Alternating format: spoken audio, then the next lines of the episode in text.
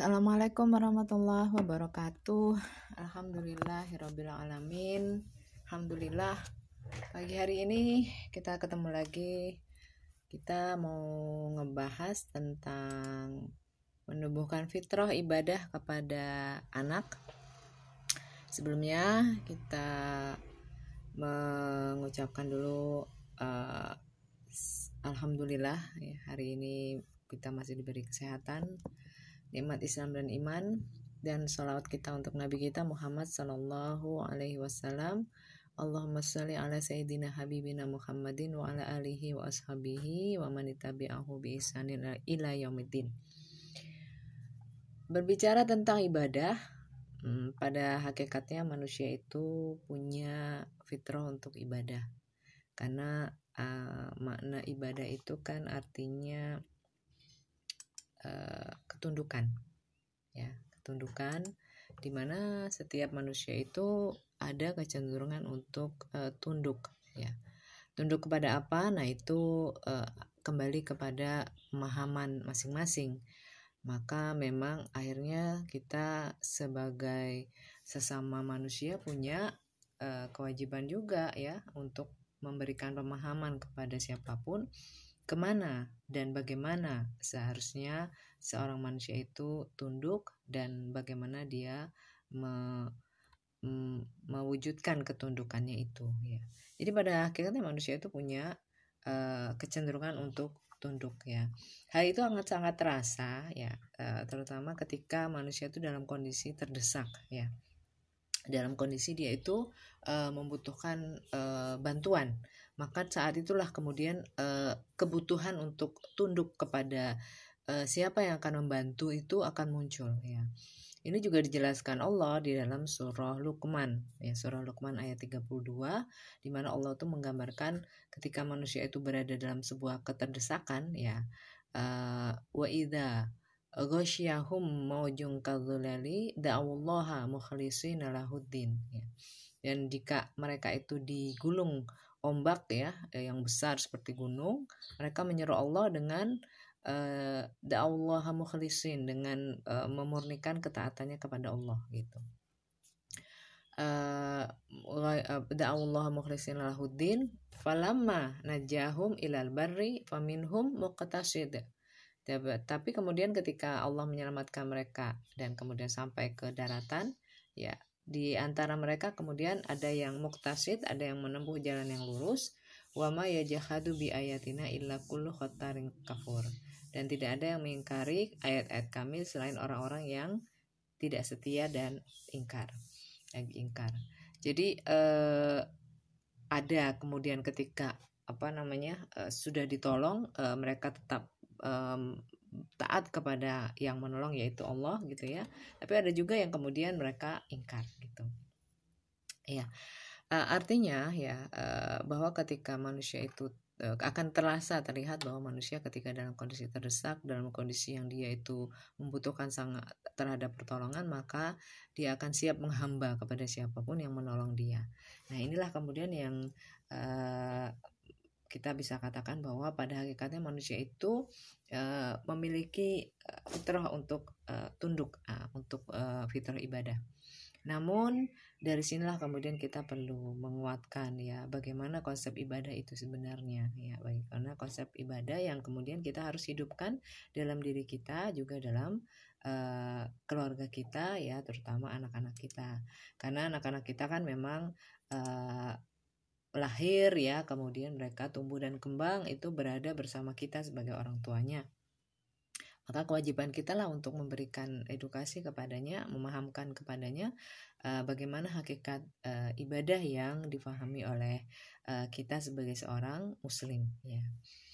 Uh, kita semua sudah paham ya bahwa memang kita diciptakan untuk beribadah dan itu dijelaskan oleh Allah di dalam uh, surah Az-Zariyat ya ayat ke-56 wa ma khalaqatul jinna wal insa illa liya'budun ya.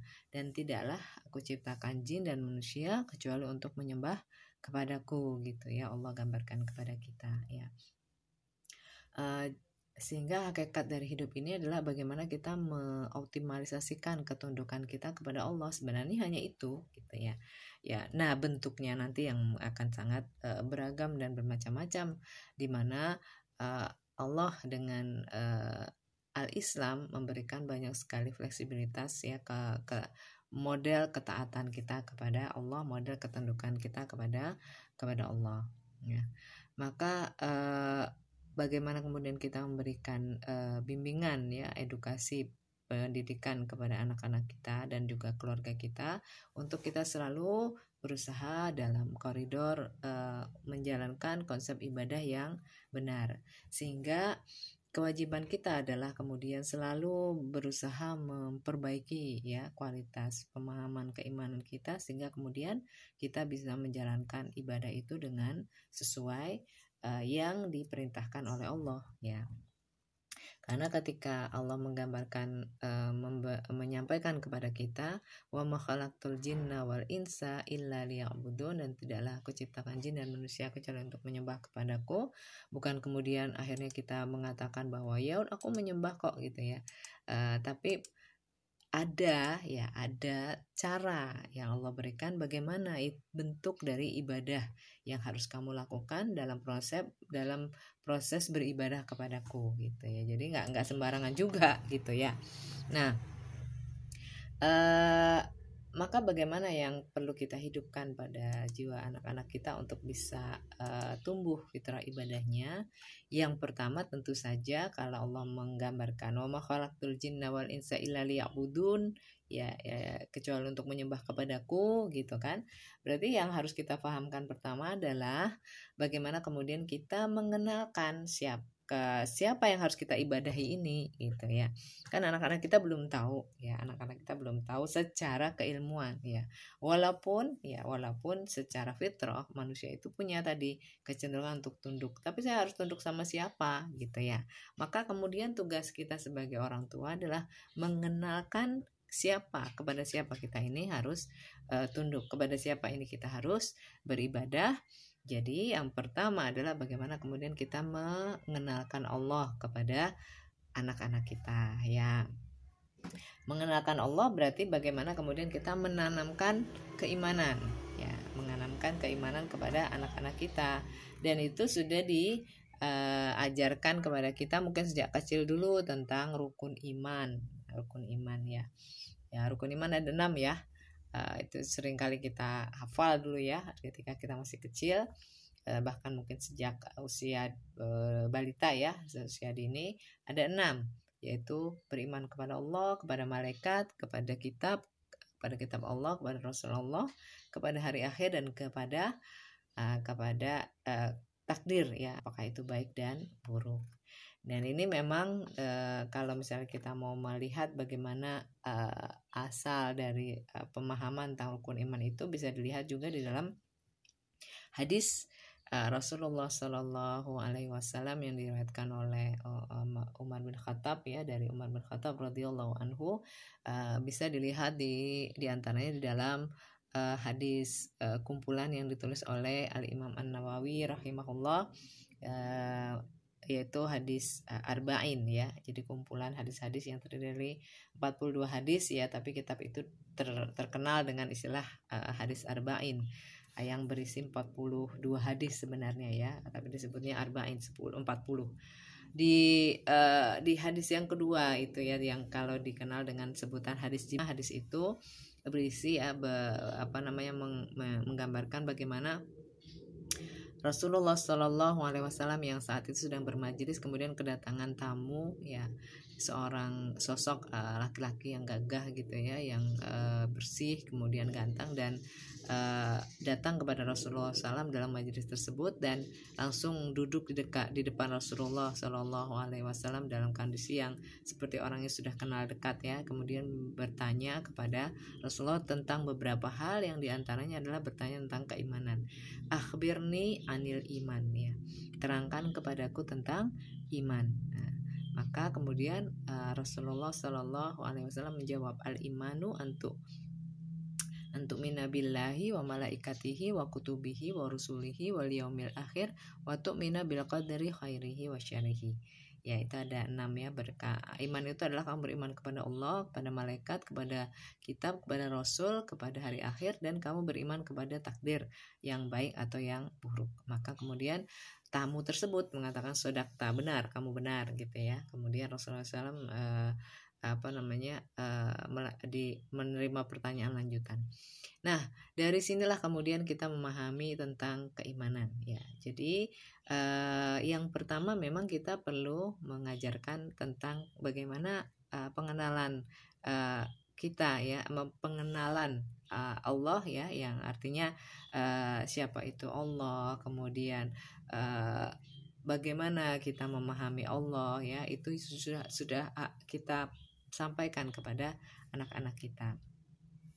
Makanya uh, setiap ada ada kisah ya dari uh, seseorang uh, dari salafus soleh ya jadi ada uh, anak yang dia menceritakan bahwa setiap uh, uh, oleh pamannya ya yang seorang uh, saleh ya dia, bahwa tiap tiap malam gitu ya dia diingatkan oleh sang paman dengan mengatakan coba kamu sebelum tidur ya sambil apa namanya uh, berdoa sebelum tidur kamu katakan bahwa Allah itu melihatku Allah menyaksikanku ya Allah memperhatikanku seperti itu.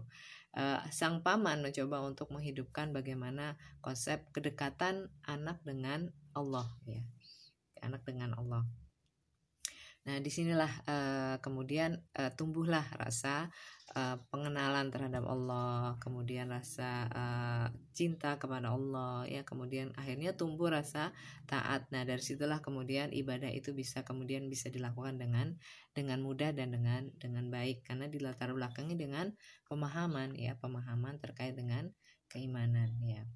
Memang ini menjadi tugas dari orang tua ya karena apa? Karena Rasulullah Shallallahu Alaihi Wasallam juga menggambarkan bahwa kullu mauludin yuladin ala ala alal fitrah ya. Setiap manusia itu setiap anak itu dilahirkan dalam keadaan fitrah ya.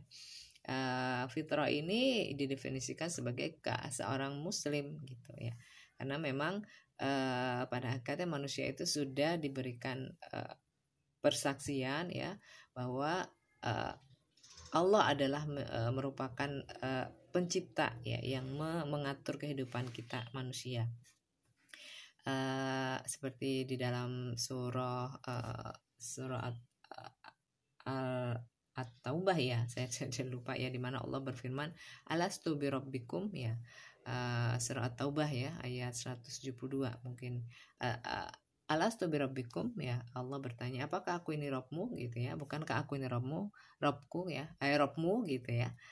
Kalau eh, bala syahidna. Ya maka kemudian manusia yang waktu itu masih dalam bentuk ruh dia menjawab kepada ke, menjawab Allah bala syahidna. Betul kami bersaksi. Sehingga kemudian manusia itu uh, mengatakan bahwa Allah lah satu-satunya yang disembah gitu.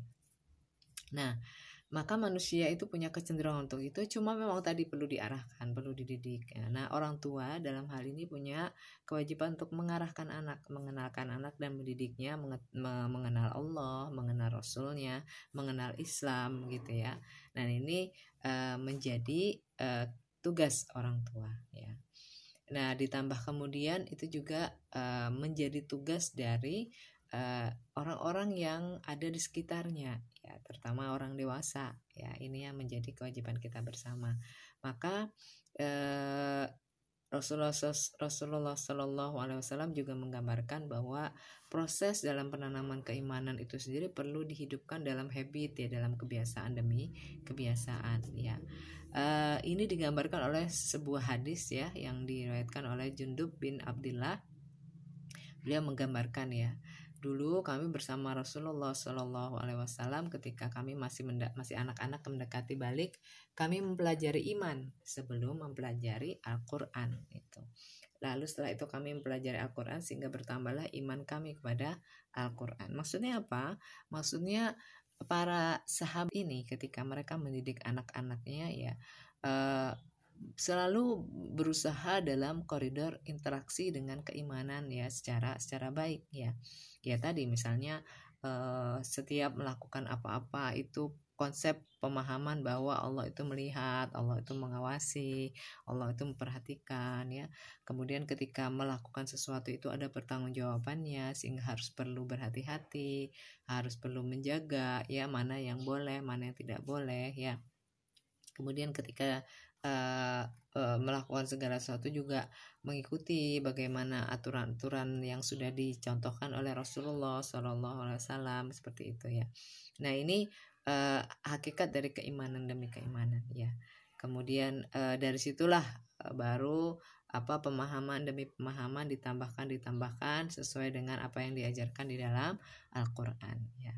Ya, inilah uh, menjadi uh, upaya kita sebagai uh, orang tua dalam rangka kemudian kita menumbuhkan fitrah ibadah. Jadi yang pertama adalah kita menumbuhkan mengenalkan menumbuhkan aspek keimanan ya uh, dalam diri anak-anak kita ya kemudian uh, yang selanjutnya adalah bagaimana kita uh, memahamkan ya keimanan itu uh, tadi dalam dalam apa dalam kebiasaan ya setelah itu kita juga menghidupkan bagaimana pengenalan-pengenalan terhadap aspek-aspek aturan tata aturan ya sehingga kemudian dalam tata aturan beribadah itu kan ada ya. Ibadah itu ada ibadah yang mahdoh yang ritual dan ibadah yang tidak ritual ya ibadah ritual itu sudah diberikan oleh uh, Allah ya melalui Rasul ya Shallallahu Alaihi Wasallam uh, tatanannya ya ya kalau kita bisa lihat bahwa uh, kita sebagai seorang Muslim diwajibkan untuk pertama bersyahadat.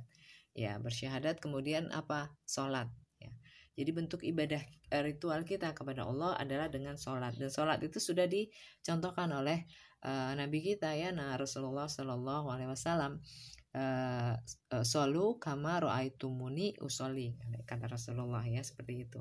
Sholatlah seperti kamu sebagaimana kamu melihat aku sholat ya. Itulah konsep ibadahnya ya tata caranya sudah di dibakukan. Tidak bisa kita kemudian mengatakan aku nih ibadah dengan kepada Allah ya. Gimana caranya? Ya yang penting aku merasa dekat dengan Allah nggak bisa begitu juga gitu ya. Jadi kita kenalkan kepada anak-anak kita bagaimana konsep ibadah yang diajarkan oleh oleh Islam. Yang pertama adalah dengan tadi syahadat ya, setiap kita berwajib untuk mengucap syahadat. Yang kedua adalah bagaimana kemudian kita mengenalkan sholat ya.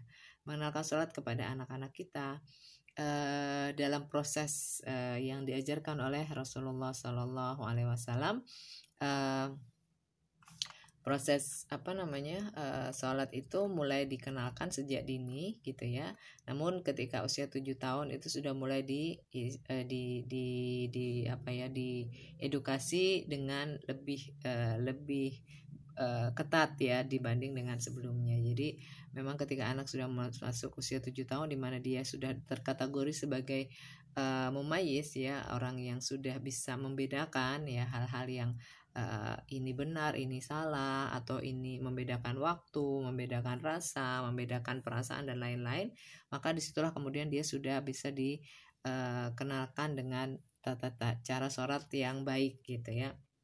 Sudah mulai ada pembiasaan-pembiasaan lebih lebih baik ya. Jadi misalnya uh, kalau anak perempuan kalau mau sholat harus menutup aurat ya. dia sudah mulai tahu gitu ya uh, kalau sebelumnya anak kadang kan dengan aurat saja dia masih uh, masih suka ya misalnya uh, keluar dari kamar mandi tidak menggunakan penutup aurat gitu ya itu karena memang dia belum belum belum mumayis ya belum tamyiz belum bisa membedakan dengan baik gitu. Tapi ketika usia 7 tahun buat anak yang normal dia sudah bisa membedakan maka kemudian dia sudah bisa dibebani dengan tata cara ibadah ritual ya dengan tata cara sholat ya dengan tata cara wudhu gitu ya. Uh, kemudian dengan tata cara berdoa tata cara uh, berpuasa gitu ya di mana ketika berpuasa ya diawali dengan sunnah walaupun sunnah tapi tetap kita ajarkan ya dengan sahur gitu ya dengan berbuka puasa ya dengan uh, bagaimana konsep puasa itu gitu. Kemudian uh, kalau kita mau mengajarkan tentang berzakat ya kita ajarkan tentang sodako dulu gitu ya uh, sampai akhirnya nanti uh, sang anak bisa memiliki kemampuan untuk berhaji ya ini adalah konsep ibadah ritual ya. Sementara ibadah non ritual ya itu juga mem diajarkan oleh Rasulullah Shallallahu Alaihi Wasallam dalam kehidupan beliau ya. Di antaranya adalah uh, bagaimana kemudian kita menghidupkan uh, apa aspek-aspek ketaatan ya kepada uh, apa namanya Allah ya dalam kehidupan kita sehari-hari ya misalnya ya ketika kita apa namanya melakukan aktivitas ke, kehidupan kita sehari-hari gitu ya. Uh, apa uh, misalnya seperti ke, makan gitu ya. Makan itu Eh, hal-hal yang uh, mubah sebenarnya. Tapi dia akan bisa menjadi ibadah ketika kemudian kita hidupkan uh, habit makan itu kebiasaan makan itu dalam rangka uh, ketaatan kita dan upaya kita untuk mendapatkan uh, barokah ya keberkahannya ya makanya kemudian makan dimulai dengan doa ya Allahumma barik lana fima razaqtana wa qina adzabannar gitu ya. Jadi anak-anak kita paham bahwa oh makan ini bisa menjadi rizki bahkan buat kita ya. Artinya makannya itu sendiri rizki ketika kita bersyukur itu rizki tambahan. Ya, atau mungkin tidur pun gitu ya. Eh, hal-hal atau bahkan dalam interaksi kita dengan sesama manusia ya. Interaksi anak dengan orang tua interaksi anak dengan sesama saudara interaksi anak dengan tetangga interaksi anak dengan teman bermain interaksi anak dengan orang yang anak apa? Dengan yang lebih mudah ya. Ini bagian dari ibadah-ibadah non ritual yang bisa dihidupkan ya. Kenapa sih saya harus hormat kepada orang tua gitu ya? Karena apa? Karena hormat dan menghargai orang tua itu adalah bagian dari hormat dan bakti kepada Allah gitu Kenapa sih saya harus uh, menyayangi teman ya? Karena menyayangi teman itu bagian dari keimanan ya bahwa innamal mu'minuna ikhwah bahwa sesama orang-orang apa orang beriman itu bersaudara gitu ya. Kemudian kenapa sih saya harus menghargai sesama walaupun mungkin beda agamanya, beda sukunya ya, beda kulit, warna kulit dan lain-lain karena karena uh, sesama manusia apa Allah tuh menciptakan manusia itu uh, beragam ya. Uh, jadi ada laki-laki dan perempuan, ada qabaila ya untuk saling mengenali ta'arofu gitu ya ada dalam surah Al-Hujurat ya. Uh, dan inilah adalah gambaran bahwa uh, Islam sangat memberikan tatanan dalam kehidupan uh, kita dan apalagi kemudian kalau itu dikontekskan dengan ibadah maka uh, kita ya seorang anak dan kemudian dalam proses tumbuh kembangnya dia akan hidup uh, dalam uh, konteks rasa tunduk kepada Allah ya. Dalam dalam kaidah kehidupan apa pun. Ya ya dalam misalnya tadi uh, dalam berinteraksi dalam dalam uh, sesama manusia gitu ya dalam muamalah dalam kehidupan sosial ya selalu dikaitkan dengan bagaimana ketundukan dan ketaatannya kepada kepada Allah ya. Bahwa misalnya ketika ada perselisihan ya di, di, di, diutamakan didahulukan dengan kita kemudian saling berlapang dada gitu ya saling kemudian memaafkan ya memberikan apa namanya uh, kelapangan dada untuk kemudian kita saling uh, mengkoreksi atau saling mengingatkan gitu. Makanya kemudian dalam surah Al-Asr kan watawasobil hak watawasobis sober ya. Saling mengingatkan dalam kebenaran dan dalam kesabaran ya. Kita benar memberikan apa namanya masukan yang benar tapi kadang belum tentu orang itu bisa menerima dengan mudah. Maka perlu ditambah dengan kesabaran. Itu adalah hakikat ibadah dalam interaksi sosial ya. Nah dari sinilah kemudian kita uh, mencoba untuk menguatkan ya. Jadi dari dua ibadah ya yaitu ibadah magdoh dan ibadah uh, ibadah ritual dan ibadah non ritual inilah fitrah-fitrah yang kita bisa tumbuhkan kepada anak-anak kita ya. E, sementara kita juga memahami bahwa syarat lah diterimanya ibadah atau ketundukan kita kepada Allah itu ada tiga hal. Yang pertama ada al iman yang tadi kita sudah tanamkan kepada anak-anak kita kemudian ikhlas ya bahwa yang semua kita lakukan adalah tujuannya adalah untuk mendapatkan ridha Allah gitu kan ya.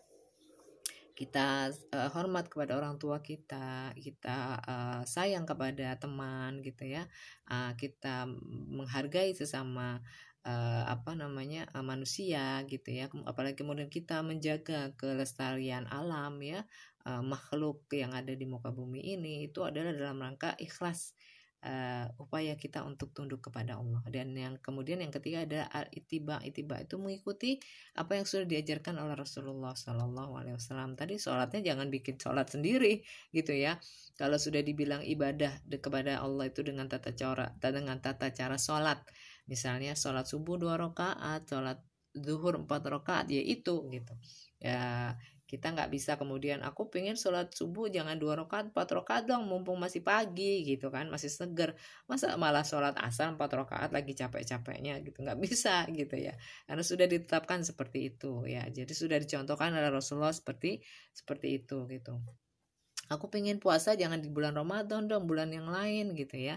Ya cari bulan-bulan yang pas nggak panas deh gitu ya. Nggak bisa juga gitu ya. Karena sudah ditetapkan ibadah puasa di uh, wajib yang dilakukan oleh umat Islam itu di bulan Ramadan ya. Kalau di luar yang bulan Ramadan tuh bisa menggunakan apa melakukan ibadah-ibadah puasa sunnah seperti itu ya jadi ini ya eh, gambaran ya kira-kira terkait dengan bagaimana kemudian kita menanamkan eh, fitrah ibadah kepada anak-anak kita ya. Jadi pertama adalah tanamkan keimanan ya Eh, kepada anak-anak kita ya. Kemudian kita yang kedua adalah bagaimana kemudian kita memahami aspek ibadah itu sendiri di mana ibadah itu ada ibadah ritual dan ibadah non ritual dan itulah kemudian yang kita tumbuhkan kepada anak-anak kita based on bagaimana pemahaman keimanan ya. Kemudian bagaimana kemudian menumbuhkan rasa ikhlasan dan ibadah itu ada tuntunannya dan tuntunannya ada kepada kita eh, kita apa namanya eh, mengacu merujuk kepada uh, Rasulullah Shallallahu Alaihi Wasallam. Ya, mudah-mudahan itu bisa bermanfaat dan bisa difahami. Uh, semoga Allah memudahkan kita untuk mendidik anak-anak kita dan keluarga kita dan diri kita sendiri terutama selalu menguatkan ketaatan kita kepada Allah, selalu memperbaiki kualitas ibadah kita, dan semoga Allah memasukkan kita sebagai hambanya yang soleh, ya, sebagai uh, hambanya yang selalu berusaha untuk menghidupkan ketaatannya kepada Allah Subhanahu wa Ta'ala. Ya Allah, sholli ala Sayyidina Muhammad. Mohon maaf bila ada yang kurang dalam penyampaian kali ini. Semoga bermanfaat. Ihdinas siratal mustaqim. Assalamualaikum warahmatullahi wabarakatuh.